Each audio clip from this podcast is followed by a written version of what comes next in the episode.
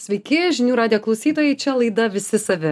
Esu Laura Dabulytė, šios laidos vedėja, o šiandien tokia, sakyčiau, simbolinė paskutinė vasaros diena su manimi studijoje Auša Širvinskinė, daktarė Auša Širvinskinė, kuri atstovauja šiandien Respublikinį priklausomybių lygų centrą. Auša čia yra direktorius pavaduotoja ir man prieš eterį užsiminė apie tai, kad šiuose nepareigose tiesiog tokį darbą dirba jau 15 metų. Auša, sveiki. Sveiki, laba diena visiems. Tai ačiū labai, kad sutikote ateiti pasikalbėti ir nors pietų metas, nors mes baigėme šią nuostabę vasarą ar ne, kurią turėjome, vis tik e, rugsėjo pirmoji man visada yra tokia kaip e, naujųjų metų diena. Daugelis mūsų apgalvojame, o ką darysime nuo šiol. Ir tiesą sakant, man tiesa, rugsėjo pirmoji net labiau tų tokių naujų tikslų pradžia, negu kad naujųjų metų pradžia. Kaip jūs e, savo darbe jaučiate? Ar yra žmonių, kurie sako, nuo pirmadienio arba nuo rugsėjo pirmosios arba nuo naujųjų metų kažko nedarysiu. Tikrai taip. Ir paskutiniu metu ypatingai daug girdime, kad rugsėjo pirma tarsi yra kažkoks atspirties taškas, nuo kurio žmonės nori pradėti kažką arba keisti, arba naujo daryti. Tai kaip nebūtų keista jau keli metai aš pastebėjau tendenciją kad mes sulaukiame ir pacientų besikreipiančių gydytis dėl priklausomybės irgi daug daugiau rudenį nuo rugsėjo negu kad kitu metų sezonu. Yra taip, kad mes vasarą tiesiog tokie labiau atsipalaidavę visomis prasmėmis. Žiniasklaidoje tai vadinama agurkų sezonu, kur tos temos tokios lengvesnės atrodo, ar ne? E, šiaip tokio ver, verslo pasaulyje tai yra toks maždaug perėjimo nuo etapų ir tokio projektų net tam tikra prasme sustabdymo, todėl kad labai daug kas atostogauja, ar ne? Nepriklausomybių temoje e, žmonės tikriausiai irgi turi to tokio laisvumo per vasarą leisti savo pabandyti kažką, atpažinti kažką, kaip, kaip tai yra taip vasara turi tą tokį skonį kaip mes vadiname pabandymo išbandymo paeksperimentavimo. Arba vasarą norisi atidėti kažkokius ryžtingus sprendimus kurių reikia imtis čia ir dabar. Tai jeigu mes kalbam apie galbūt kitas sritis tai nieko blogai žmogui pailsėti pasilinksminti.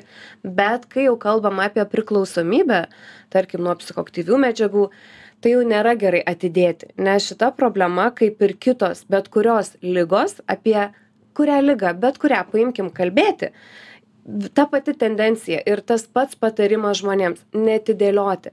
Kuo anksčiau liga yra identifikuojama kuo anksčiau jinai yra pradedama spręsti tuo didesnė tikimybė iš tikrųjų turėti sėkmingą rezultatą.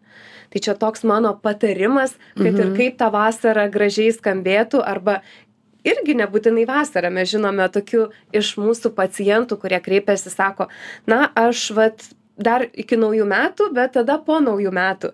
Žodžiu vis bando surasti kažkokį tašką nuo kurio jisai nori pradėti bet tas taškas slenkasi ir tai nėra gerai. Tai vis tiktai šitoje srityje reikėtų na kuo anksčiau kuo greičiau kreiptis pagalbos. Ir mes apie visa tai pakalbėsim nes turim šiandien tikrai labai labai daug tam laiko skirta skiria.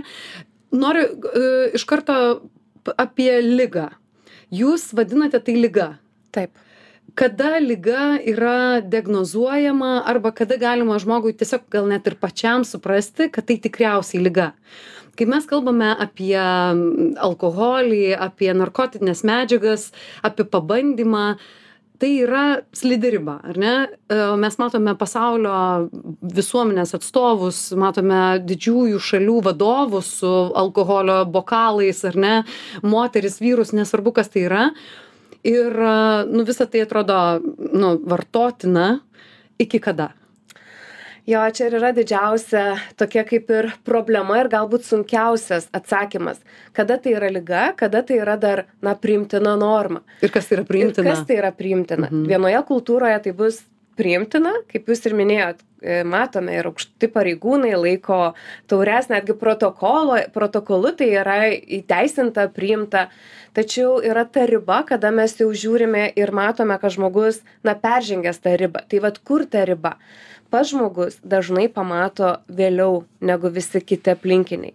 Ir šita liga jinai yra dar kartais vadinama na tokia kaip ir slepiama liga. Žmogus ją linkęs slėpti nuo kitų. Tai jeigu grįžti ar priklausomybė liga tai tikrai taip. Priklausomybė yra liga. Kaip Mhm. iki tos ligos prieinama? Labai skirtingai nes tikrai niekas negimsta priklausomu žmogumi.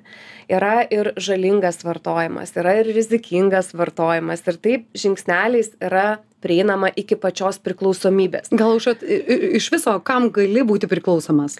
Mes galim būti nuo visų pirma psichoaktyvių medžiagų priklausomi. Kas tai tai kas yra alkoholis nelegalios psichoaktyvios medžiagos kaip kokainas heroinas e, marihuana kanapės jos irgi sukelia priklausomybę. Arba viena iš galbūt labiausiai paplitusių tai tabakas. Tai nuo viso šito mes tikrai galime tapti priklausomi. Nuo cigarečių nikotino. E, taip pat galime tapti priklausomi čia daugiau galbūt net kitaip yra vadinama kad tai yra patologinis potraukis taip tarkim apsipirkinėti taip. e, sėdėti Žaisti- žaidimuose taip. kompiuteriniuose e, leisti laiką socialiniuose tinkluose. Ir netgi man yra tekę skaityti vieną knygą kurioje buvo bandyta išskirstyti įvairias priklausomybių arba patologinio potraukio rūšis. Tai ten yra ir kalbėjimo priklausomybė. Yra žmonių kurie mėgsta tikriausiai daug kalbėti ir iš to irgi savotišką priklausomybę negirdi kitų bet mėgsta pats kalbėti. Žiūrėjimo į gražius žmones e, kokia graži priklausomybė tiesiog žiūrėti tiesiog žiūrėti. Um, nuo sekso priklausomybė, tai Taip. tikrai e, azartinių lošimų, tai čia galėtumėm nemažai vardinti tų patologinių potraukų. ir kas čia vyksta kodėl mum to reikia čia visur kažkur slepiasi kažkokio trūkumas kažko Na, yra vėlgi ne, ne vienareikšmiškas atsakymas, kodėl mes tampame priklausomi. Tai aš pasinaudosiu irgi klausytam labai rekomenduočiau paskaityti Gabor Mate. Yra toks psichiatras ir jisai daug kalba šitą temą, priklausomybių, traumų, krizių tema. Tai jisai yra labai gražiai pasakęs, kad priklausomybė atsiranda ten, kur yra krizė, kur yra trauma, kur yra kančia, kur yra sielvartas, kur yra nelaimingas žmogus. Tai dažniausiai tada ir atsiranda ta priklausomybė. Tai priklausomybė bet, sukelia daug kas. Be, bet nėra taip, kad e, tada ir atsiranda. Tai gali būti pasiekmė kažko vėliau. E, Mūsų vaikystės traumos gali pasireikšti, žinau, tam tikra priklausomybė kur kas vėliau, gerokai vėliau. Na, mokslinė literatūra yra išskiriama visa eilė rizikos veiksnių, kurie gali nulemti, kad žmogus taps priklausomas. Tai yra ir destruktyvi šeimos aplinka, genetika. Taip pat vienas iš veiksnių - bendramžiai, e, ypač paauglystės laikotarpiu. Ir čia svarbus akcentas, jeigu žmogus jaunas, kuo jaunesnis pradeda vartoti psichoktyves medžiagas, tuo greičiau jis tampa priklausomu. Tai yra toks rizikos Pakartokit dar amžius šitą. kuo jaunesnis žmogus pradeda vartoti psichoaktyvias medžiagas tuo didesnė tikimybė tapti jam priklausomu tai yra na tyr tyrimai mokslu įrodyta Yra yra tėvų, kurie sako, tai šalia manęs paauglys paragaus, bet jis kartu su manimi, mes vat, žinosim, koks tas saugus kiekis, ar ne, jisai vat, taip, visai jaunas gali tai daryti, moksliškai įrodyta, kad tai Ne. nėra teisinga. tai nėra teisinga Mhm. iš tikrųjų kuo anksčiau tuo blogiau ir ta ta liga be abejo jinai greičiau progresuos jeigu jau taps Tai aušra visiškai tada pasakykit, kokia jūsų iš viso nuomonė apie amžių, kada tai turėtų būti. Nes dabar mes tą amžių esame pa, pavėlinę netgi, ar ne? E, Esame jau priartėję prie Amerikos standartų. O sutinkate su tokiais standartais? taip aš su jais tikrai sutinku nes jie yra mokslu pagrįsti e, tyrinėjant ir jaunų žmonių smegenų veiklą ir ne ne tiesiog kad taip kažkam pasirodė tai yra mokslu pagrįsta informacija kad kuo vėliau tai va tas nuo dvidešim vienerių metų na pabandyti mažiau yra rizikinga kad tai nėra visai be rizikos tai irgi reikėtų įsidėmėti bet tai yra mažiau rizikingas jau tada tas toks bandymas kuo vėlesniam amžiui tuo geriau Čia su mumis e, daktarė Aušra Širvinskienė, su kuria kalbamės tokia pakankamai uh, liūdna tema, bet be galo reikalinga tema apie priklausomybės. Sugrįšime netrukus po pertraukėlės. Sugrįžtame čia į studiją Laura Dabulytė prie mikrofono, o taip pat su manimi daktarė Aušra Širvinskienė. Uh, jau mes kalbame apie tai, kokio, kuo galima noriu sakyt užsikrėsti, bet tai nėra tas žodis. Todėl, kad kažkuria prasme tai yra mūsų veiksmo pasekmė. Tai mes nusprendžiame paba pabandyti, paragauti, kažkaip vat, išmėginti, pažiūrėti. Tai mūsų mūsų impulsyvus veiksmas, ar ne? Nėra taip, kad e, mes netyčia, ar ne? Mes turėjome virusą, kurio, nu, taip, tu gali stengtis saugotis jo, bet jis tiesiog tvyro ore ir tu juo gali dėl to užsikrėsti. Su priklausomybės yra visai, visai kitaip. Ir taip ir ne, žinokit, pasakyčiau, kad daliai žmonių tikrai tai yra sąmoningas sprendimas pabandyti arba pasirinkti kaip priemonę, na, spręsti kažkokias problemas, tarkim, padeda atsipalaiduoti, padeda ten linksmiau bendrauti. Tai jie sąmoningai pasirenka manydami kad tai padeda. Bet akivaizdu kad tai nepadeda arba apgauna kad padeda bet ilgesnėj perspektyvoj tai sukelia dar daugiau problemų. Tai čia viena istorijos pusė kita istorijos pusė. Man yra tekę bendrauti tikrai ir su vaikais ir jaunimu besigydančiais mūsų centre reabilitacijos skyriuje ir iš darbuotojų girdi va tas istorijas tų vaikų gyvenimo ir supranti kad kartais tikrai žmonės atsiduria tokiose situacijose kai tai nėra jų pasirinkimas. Tiesiog tai yra vienintelė jiems žinoma toje situacijoje priemonė kurios jie griebiasi bandydami pabėgti iš to vadinamo na pragaro kuriame Chaoso, jie yra. kuriame chaoso gyvena. pragaro kaip jie mėgsta vadinti.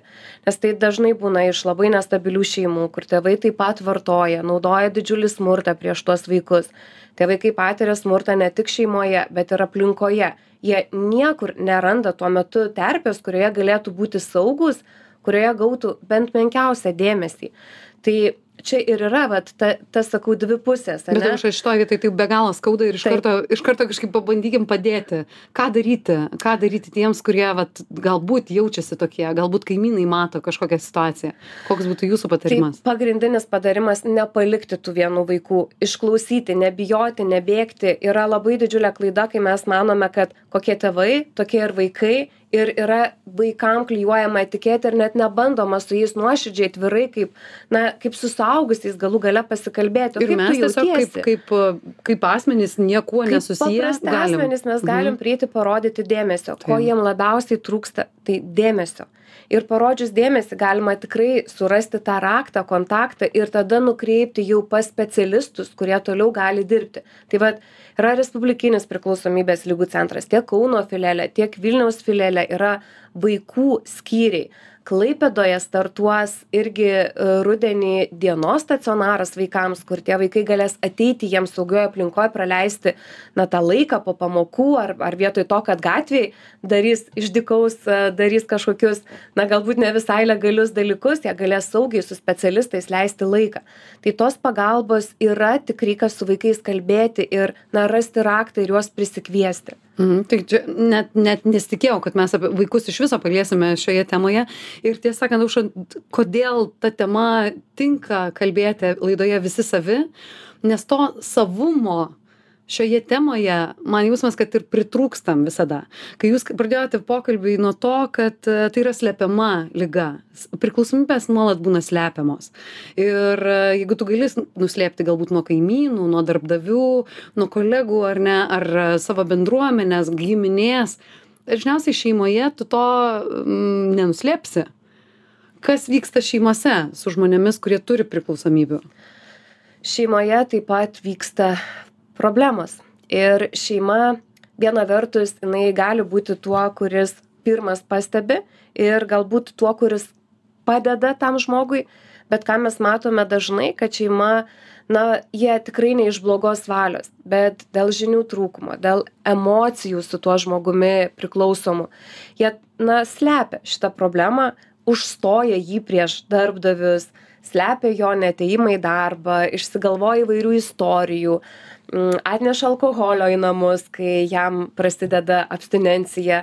Na, žodžiu, elgesi kaip neturėtų elgtis, bet tai jokių būdų nesmerkimas to šeimos. Tiesiog jam trūksta žinių, įgūdžių, ką turėtų daryti. Ir štai čia turime jūs. Taip. Ir aš tikrai labai labai noriu, kad uh, tikiu, kad iš jų daugelis, kurie taip elgesi, mano, kad jie daro gerą.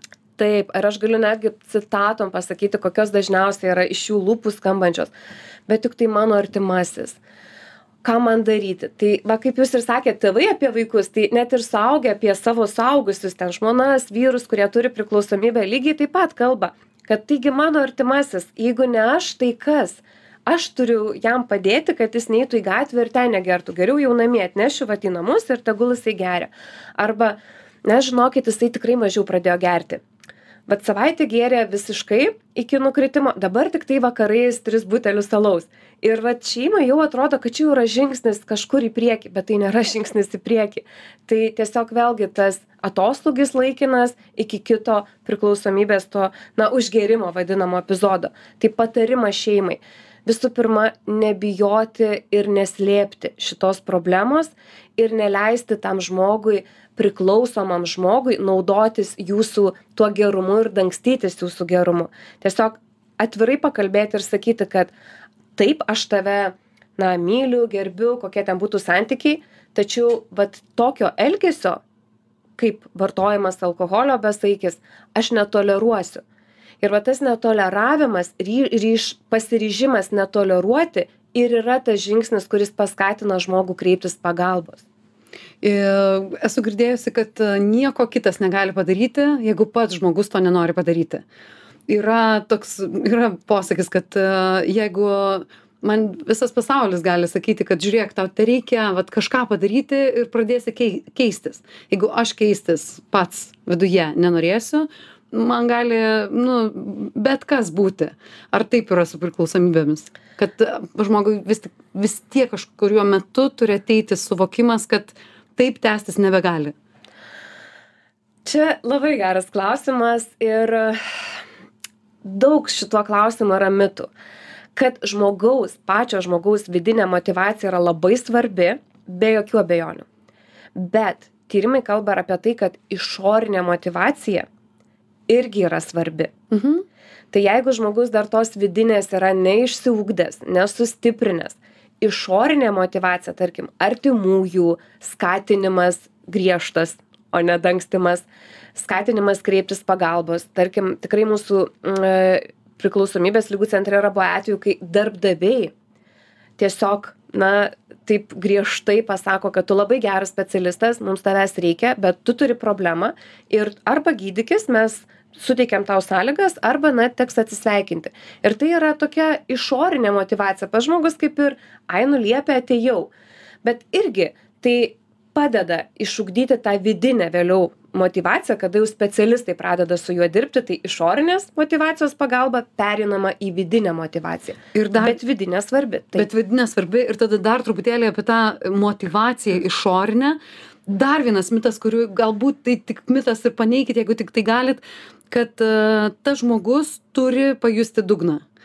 Jeigu viskas jam jam niekas nesikeičia jis toliau turi darbą jis atsibunda ryte jam e, jis nepraranda darbo jis turi šeimą viskas važiuoja savo ritmu nors jis turi labai labai stiprią e, priklausomybę nesvarbu kam ar ne jam keistis yra sunkiau jam suvokti situaciją kad ta priklausomybė yra rimta jam yra kur kas sunkiau negu tuomet kai tarsi griūva tam tikri elementai gyvenime.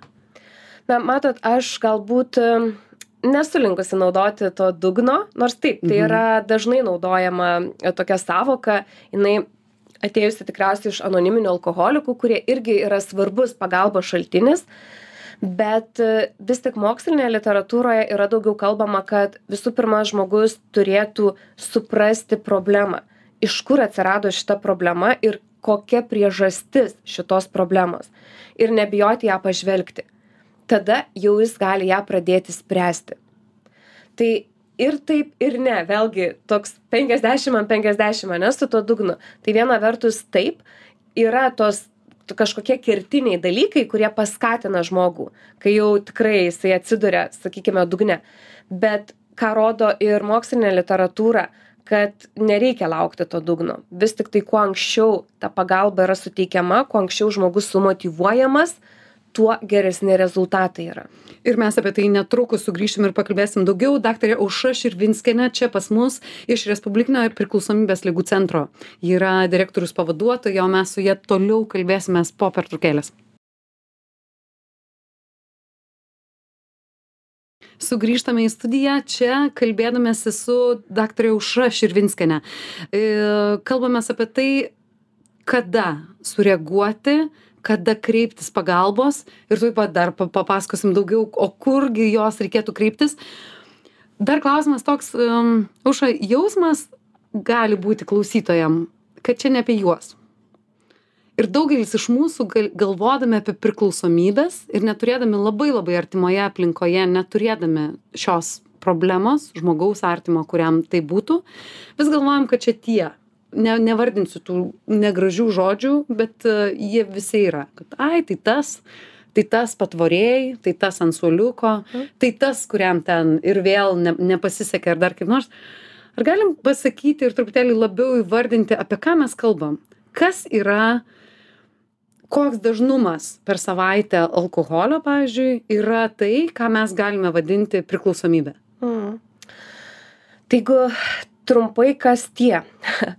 Vėlgi gal pacituosiu mano mėgstamą paskutiniu metu autorių Gabor Mate, kuris irgi labai gražiai yra pasakęs, kad nėra jie mes. Jeigu mes kalbam apie priklausomus žmonės, mes kalbam apie mus pačius praktiškai. Jie nėra kažkur, na, iš kosmoso atskridę. Jie tokie patys žmonės kaip mes, tiesiog, na, kažkokiu gyvenimišku momentu tapę priklausomi. Tai kiekvienas iš mūsų galbūt gali tapti priklausomas. gal buvom Gal buvom, gal būsim, niekada Būsim. nežinom. Mhm. Taip, tai kai mes kalbam, tai nekalbam apie tuos, kurie standartiškai, stereotipiškai įsivaizduojami galvoje. Kad jeigu jau visiškai nusigėriau, guliu patvory, tai va čia apie juos. Ne. E, Čia yra apie tuos, kurie netgi vakare, jeigu kiekvieną vakarą po vieną moteris, pavyzdžiui, jeigu kiekvieną vakarą po vieną standartinį alkoholio vienetą, vienas standartinis alkoholio vienetas tai yra 10 grino alkoholio. kiek tai būtų kitais Em, gėrimais Na, vynu, tarkim, alumi? aperatyvas, jeigu jisai būtų 18 laipsnių, tai būtų 35 ml. Tarkim, ne? Tai vad, jeigu penkias dienas iš eilės po vieną, tai jau yra rizikinga gana. Jeigu viršyje penkias dienas, daugiau negu 35 ml, daugiau negu 18, tai moteris, čia vienas standartinis alkoholio vienetas, vyrui 2, 2 standartiniai alkoholio vienetai. Tai jau yra rizikingas vartojimas. Jeigu yra nedaromos jokios pertraukos, bet čia mes kalbam apie žmonės, kurie, na, yra pilnamečiai, visų pirma. taip taip mes E, nėra moteris neščia, Taip. tai čia ir nėra priklausomybė išsivyščiusi. Bet šitiem, šitom trim, trim grupėm, nepilnamečiam, neščioms ir turintiems priklausomybę yra nulis standartinių vienetų. A, Taip. Be jokios abejonės. ir tęsiant apie moteris jeigu kaip minėjot jeigu penkias dienas iš eilės yra vartojama e, nedaroma pauzė kokio dydžio pauzė Bent dvi dienos turėtų būti tikrai Taip, e, mhm. rekomenduojama. Na, kai kur galbūt rašoma viena diena, bet šiaip e, paskutiniuose dokumentuose mačiau, kad yra rekomenduojama dvi dienos. Bet ir tai, čia nėra dar kitas, bet irgi dažnai girdim iš pacientų. Tai palaukit, aš kiekvieną dieną tai nevartoju. Aš pataupau pataupau. Tai tas čia visas- Mhm. nesiskaito. Negalima sutaupyti ir, pavyzdžiui, penktadienį, ne, visą tą, tą kiekį. Tai tikrai taip negalima. Tai nors vieną dieną viršijame standartinį alkoholio vienetą, viskas. Tai jau yra toks signalas, kad tai yra žalingas vartojimas. Jau yra žalingas, formuojasi. Tai nebūtinai dar priklausomybė be jokios abejonės, bet tai jau yra signalas, kad tai gali būti link, vedantis link žalos. ir kai pas jūsų speciali pas jų į jūsų specialistus kreipiasi žmogus ir kai jis pradeda klausinėti tai kiek laiko tai vyksta kas yra va ta linija kai jūs sakote atsukate tą veidrodį žmogui ir sakote pats matote kas čia įvyko? Kiek laiko tai tęsiasi? Koks tas terminas yra? E, į terminus dažniausiai na nėra žiūrima. Žiūrima į tam tikrus kriterijus nes vienas žmogus gali slysti ir penkiolika metų vis pamažu kitas gali per pusmetį nuslysti arba per mėnesį nuslysti.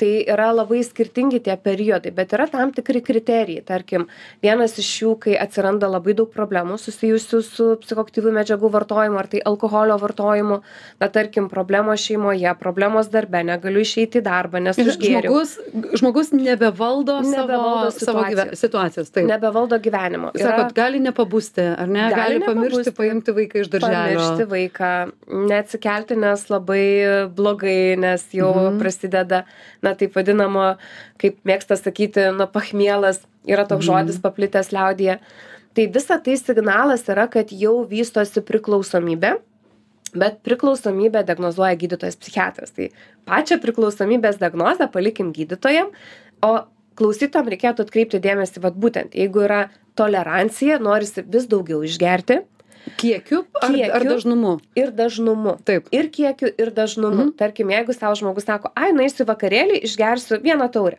Bet jisai staiga supranta kad čia ne vieną taurę ir ne vieną dieną jau geria. Tai vadinasi jis praranda kontrolę ir tai jau yra didžiulis signalas. Kaip ir minėjau įvairios problemos dingsta interesai visi kiti lieka tik interesas iš kur gauti kaip čia dabar nuslėpti kaip pavartoti kaip nuo kitų paslėpti tą esu vartojimą. girdėjus dar vieną e, kai pradedamas alkoholis vadinti mažybiniais maloniais e, žodžiais. Taip yra E, yra toks. tas ta- taurelę taip taip taip. vynelio kažkokie tam tikri dalykai. Šampaniuko. taip. taip. Tai jau irgi, na, aišku, tai nėra būtinai Ne, tie, tie signalai, bet, bet, na, tai yra jau kriterijai, kada žmogus galvoja nemažai apie būtent, na, jeigu kalbam apie alkoholį, tai apie alkoholio vartojimą. Tai jau yra signalas, jeigu tu galvoji, tu planuoji, tu strateguoji, kaip čia dabar išgerti, su kuo išgerti, tai jau tampa problema. ir atvirkščiai tokio visai nenueikim į tokį liūdesį ar ne ir atvirkščiai jeigu tai yra saikingas vartojimas moteriai kaip sakėte vienas kaip jūs tas dydis koks tas yra Nesaikingas, bet mažiau žalingas. Vis tiek mes jį vadinam jo, mes mažiau vadinam mažiau žalingu. Saikingo, saikingai vandenį neegzistuoja. gali gerti taip. taip Tai mažiau žalingas yra vienas standartinis alkoholio vienetas. Mhm. Nu, tai yra 10 gramų grino vat, alkoholio. Vyrui 2 standartiniai vienetai į dieną. taip mes dar nepamirškim ir rūkalų jeigu galim ar ne nes Taip. iš tikrųjų mes kalbėjome prieš laidą kad didžioji problema vis tiek yra alkoholis ir su juo yra susiję septyni iš dešimties atvejų bet e, tie likę turi kitų priklausomybių o kaip yra su su su su rūkalais tabaku Taip, tai irgi yra e, Mhm. problema, kuri sukelia visą eilę kitų problemų sveikatos ir kraujotakos sutrikimai, ir onkologinės lygos. Ir tai tikrai sukelia nikotinas didžiulę priklausomybę, bet kadangi tai yra legalu, tai daugam atrodo, kad na, tai yra mažesnė tarsi problema. Ir žmonės vengia kreiptis pagalbos ir na, mano, kad čia jau irgi na, kreipiasi pagalbos tik tai tie, kurie vartoja alkoholį, kurie vartoja narkotinės medžiagas ir čia, nu dabar ką aš rūkydamas cigaretės, dabar kreipsiuosi pagalbos. Tai vėlgi pagalba yra.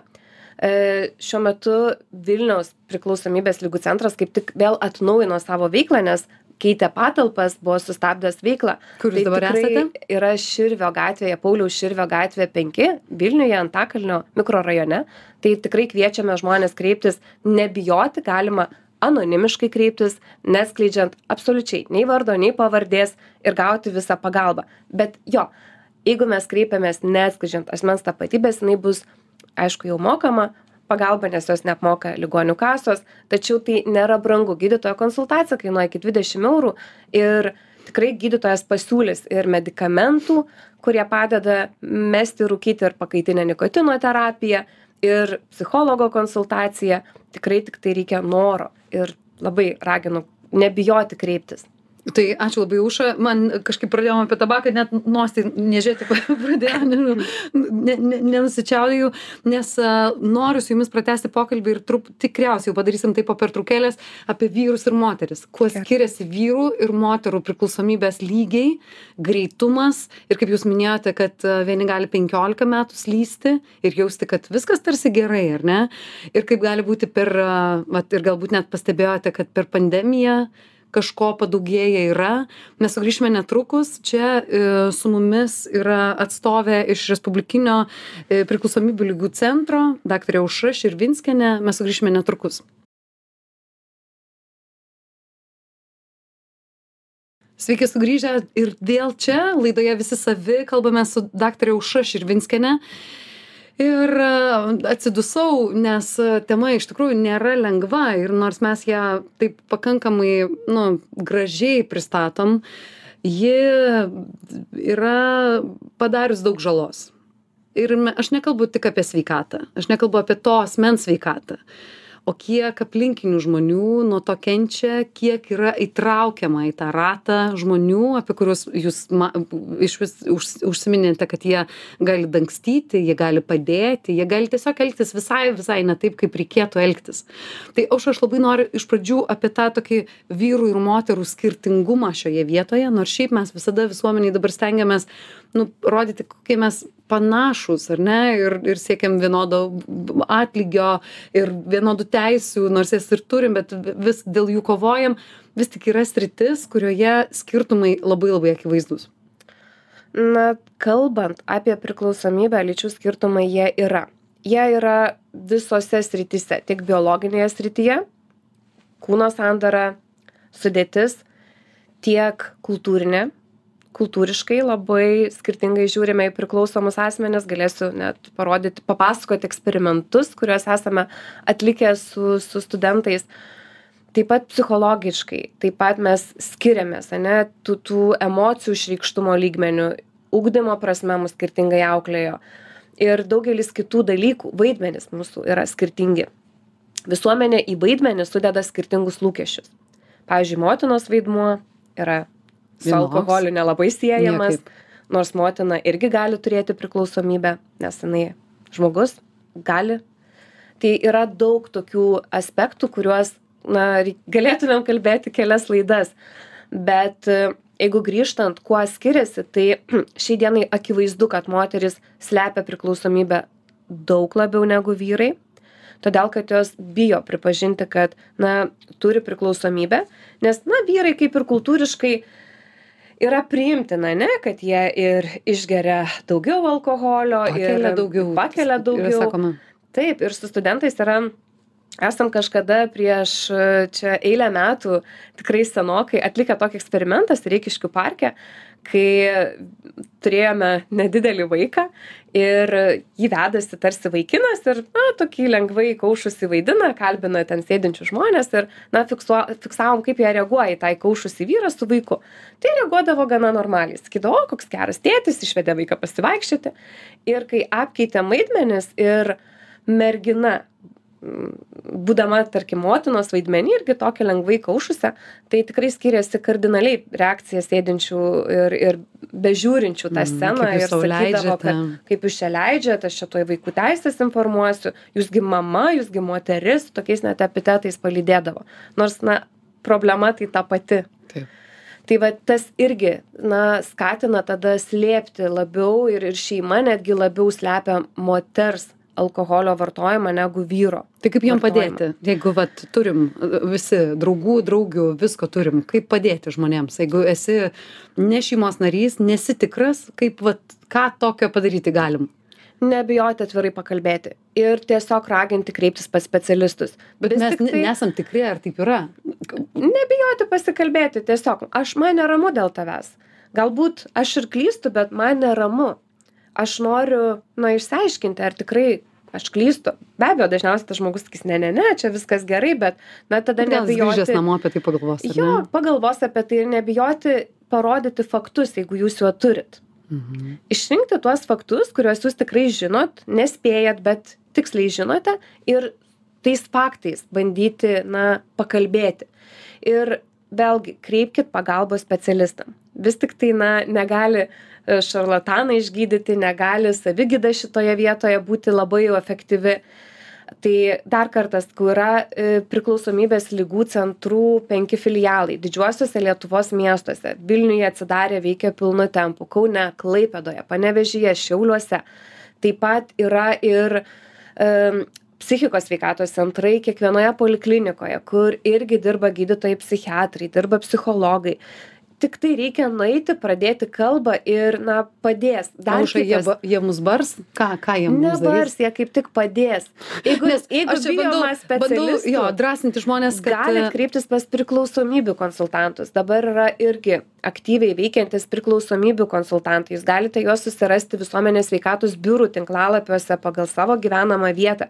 Tai yra žmonės kurie dirba to žemo slenksčio principu ir pas jį tikrai nebaisu ateiti nes jis nepareikalaus nei vardo vardo nei pavardės nei dokumento ir jisai patars ką toliau daryti neklijuodamas jokios etiketės Bet ko labiausiai, ne, ko jo. labiausiai ir Taip, baiminamasi. jokios diagnozės Mhm. ir jisai tiesiog patars, ar čia tau dabar reikia sunerimti, ar nereikia sunerimti, kur tau geriausia būtų kreiptis ir netgi duos kontaktus. Dar kartelį grįžtu prie to, kad laidoje visi savi, norisi, mesgi visi bendruomenė, ar ne, visi matom, jaučiam, įtarinėjam, įvairiausių tokių dalykų turime. Koks mūsų galėtų vat, vi- visuomenės požiūris į tuos, kuriuos, nu, kurie pasirinko būti priklausomybėje? Kaip mums į juos žiūrėti? Ignoruoti, e, laikyti tokiais pat žmonėmis, kokie jie iki šiol ir buvo? Kaip jūs vat, patartumėt elgtis?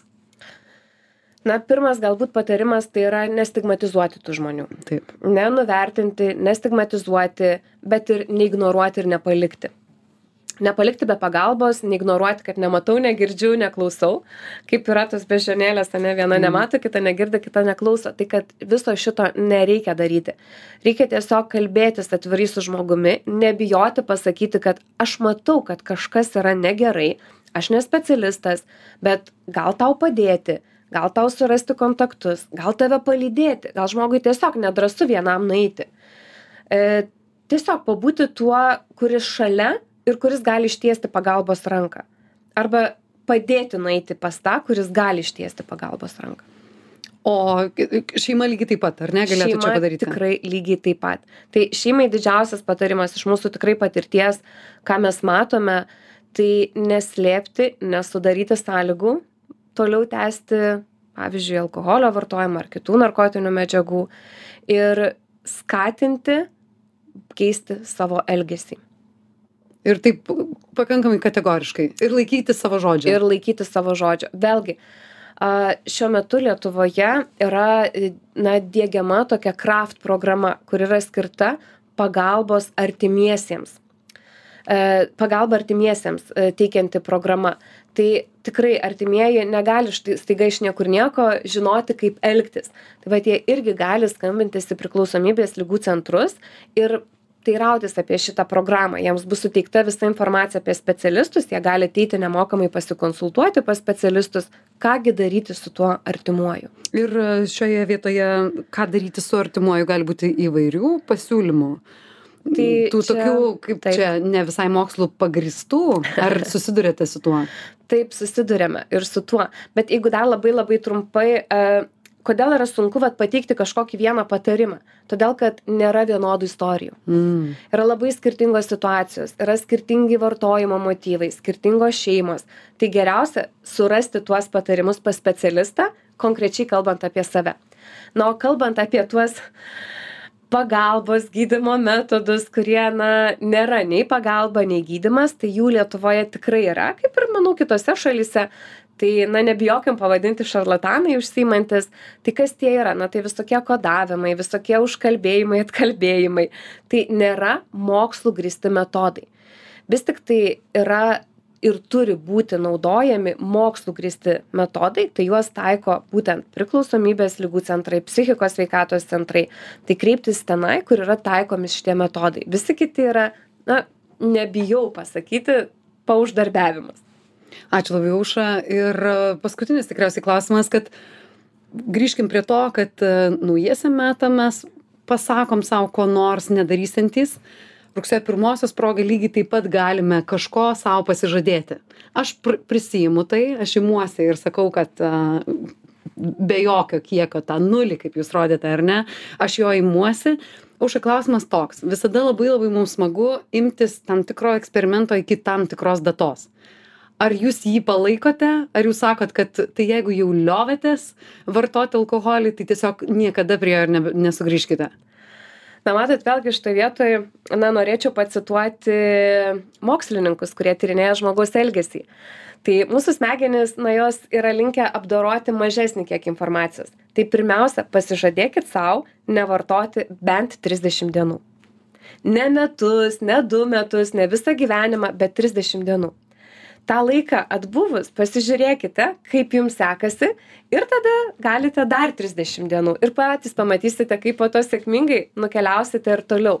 Tai vat nereikėtų labai maksimalių tų planų užsidėti nes na čia savęs toks kaip ir apgaudinėjimas kaip ir sportuoti ane ten nusiperki metam abonentą nueini ten į metus vieną du kartus. Tai nereikia savęs apgaudinėti bet užsibrėžti tikrai realų tikslą. Pavyzdžiui visą rugsėjį nevartosiu alkoholio. Ir siekti visomis galiomis va tas trisdešim dienų ištesėti to pažado Kas su mumis? kas su mumis Aš, aš už, aš tikrai imuosi to. E, Daktarė Uša Širvinskinė, Respublikinis priklausomybių lygų centras, direktorius pavaduotoja Uša yra ir šiandien dalinosi su mumis tuo, ką geriausiai žino apie priklausomybės, apie kurias mes kalbėjom ir sakėm, kaip gera, kad tai būtų nepriklausomybių centras, ar ne? Tai linkim jums neturėti tų priklausomybių ir linkim jums naudotis centru, jeigu tik tai norisi ir reikia jums pagalbos. Ačiū visiems, čia buvo Laura Dabulytė, šią vasarą buvau su jumis e, šioje laidoje, tikiuosi jums patiko, gero jums rudens. Viso geriausio.